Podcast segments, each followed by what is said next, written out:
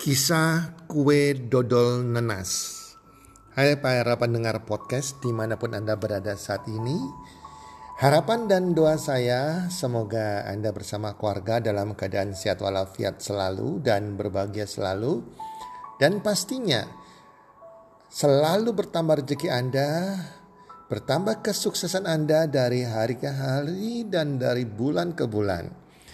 Para pendengar, saya akan menceritakan sebuah kisah nyata yang terjadi di tahun 1892. Pada tahun tersebut ada sebuah toko buah yang sangat besar yang namanya toko buah Yu yang di mana toko buah ini setiap hari itu mengangkut 50 keranjang nenas dari sebuah kota kecil yang namanya Layang yang diangkut ke Shanghai. Karena toko Buayu ini terletak di Shanghai. Dan karena dalam perjalanan yang jauh maka terkadang banyak nenas-nenas menjadi busuk dan dibuang.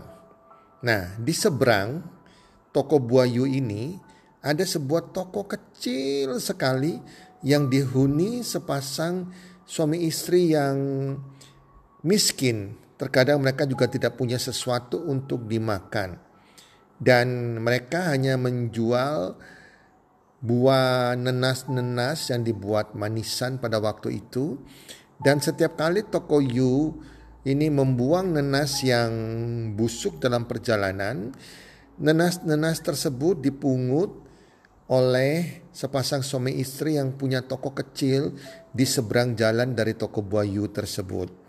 Nenas itu dikupas, dibuang bagian busuknya, dipotong kecil-kecil, dibuat manisan dan dijual. Nah, mereka hidup dari situ, para pendengar podcast. Dan bisnis mereka bisa berjalan lancar, mereka hanya fokus kepada buah nanas. Dan suami istri ini kemudian akhirnya membeli nanas busuk dari toko Yu. Dan toko Yu pasti senang dong. Senang hati karena bisa menjual nanas mereka walaupun dengan harga yang murah tapi setidaknya tidak terbuang sia-sia. Nah, suatu saat nenas-nenas yang ada busuknya ini diproses oleh sepasang suami istri miskin tersebut menjadi sebuah kue dodol nenas. Dan apa yang terjadi? Ternyata kue dodol nenas yang mereka buat itu terjual laris manis. Banyak yang pesan. Dan dalam waktu yang singkat, kue dodol nanas ini jadi makanan khas daerah Tiongkok Selatan dan sampai ke kerajaan. Dan akhirnya raja juga, raja pada waktu itu juga mengkonsumsi kue dodol nanas tersebut dan raja menyukainya. Pemilik toko Yu menjadi iri hati karena seberang jalan sepasang suami istri yang miskin ini makin jaya, makin sukses, makin bertambah kekayaannya, makin besar tokonya.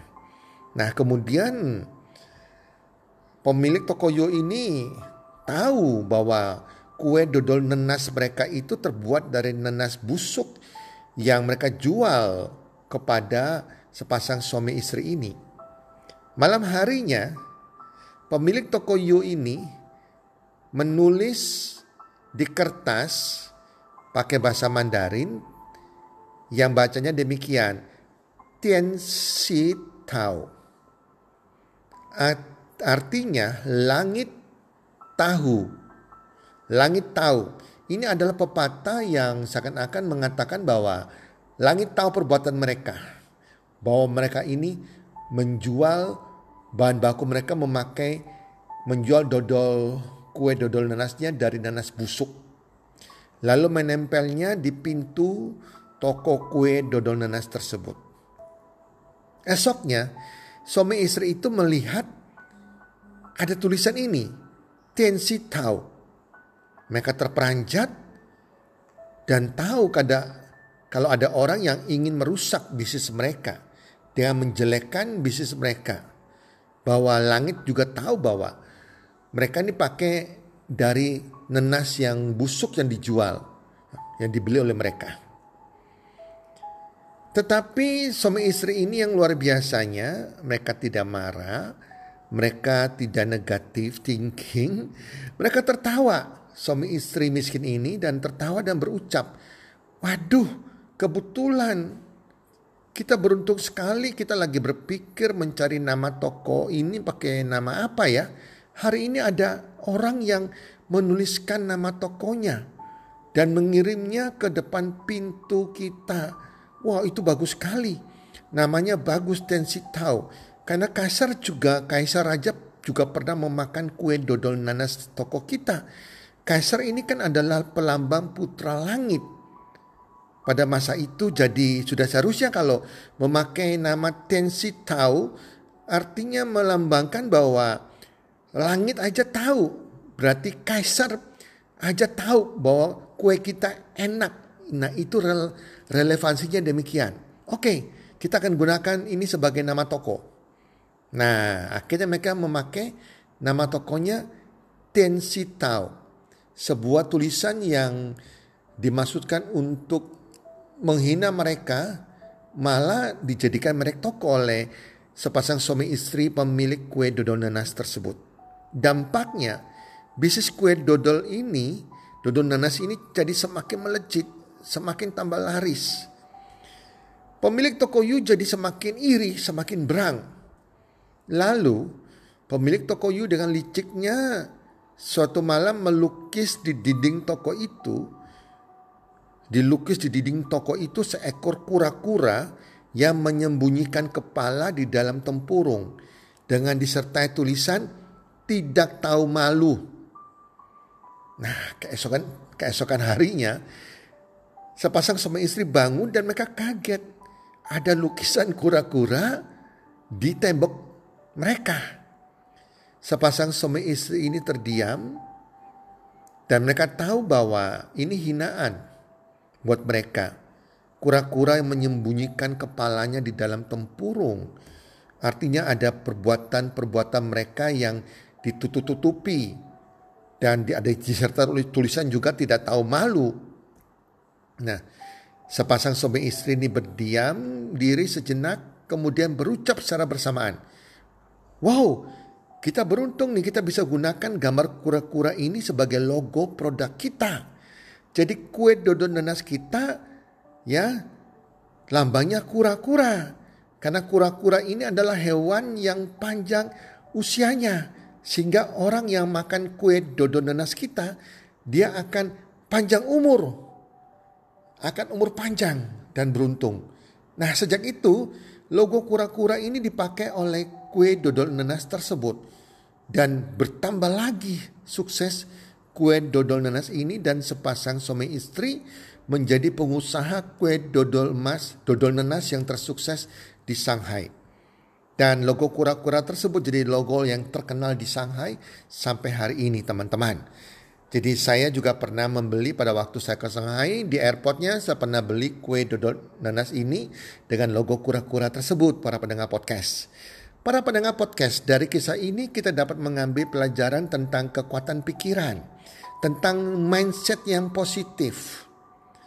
Seseorang yang bijak akan mampu mengubah hinaan, dia akan mampu juga mengubah kegagalan dan kekecewaan menjadi sebuah motivasi hidup yang membawa kesuksesan. Hal buruk dapat diubah menjadi hal yang baik. It's all about our mindset semua tentang mindset pikiran kita. Jadi mulai hari ini, mulai saat ini seharusnya kita selalu berpikir positif, berkata positif, maka hal-hal yang positif yang akan menyertai kita. Apa pun kita terjadi dalam hidup kita, kita dikata-kata negatif, ada hal yang negatif yang terjadi, langsung kita stop, jangan sampai masuk ke dalam pikiran mindset kita hal negatif tersebut. Tapi bagaimana kita langsung dalam hitungan detik kita bisa mengubah yang negatif menjadi positif. Seperti cerita sepasang suami istri penjual kue dodol nanas tersebut. Jadi apa yang keluar dari mulut itu timbul dalam hati dan pikiran kita. Untuk itu, hati-hati dengan perkataan negatif yang keluar. Selalu kita memiliki pikirannya positif, bertindak positif, sehingga rezeki itu datang. Kita bisa menjadi magnet rezeki. Teman-teman, ya jelas teman-teman ya. Jadi mengubah sesuatu perbuatan orang orang lain atau sesuatu yang negatif, kadangnya negatif, jangan sampai masuk ke dalam pikiran kita, tetapi kita ubah jadi yang positif. Selalu menjaga mindset kita agar tetap positif sehingga perkataan kita positif, hati kita tetap positif ya, hati kita tetap merasa feel good dan saya percaya dengan demikian apa pun tindakan kita akan menghasilkan hasil positif dan kita akan mendapatkan rejeki yang positif dalam kehidupan kita. Semoga kisah ini bermanfaat dan salam sukses. One, two, three.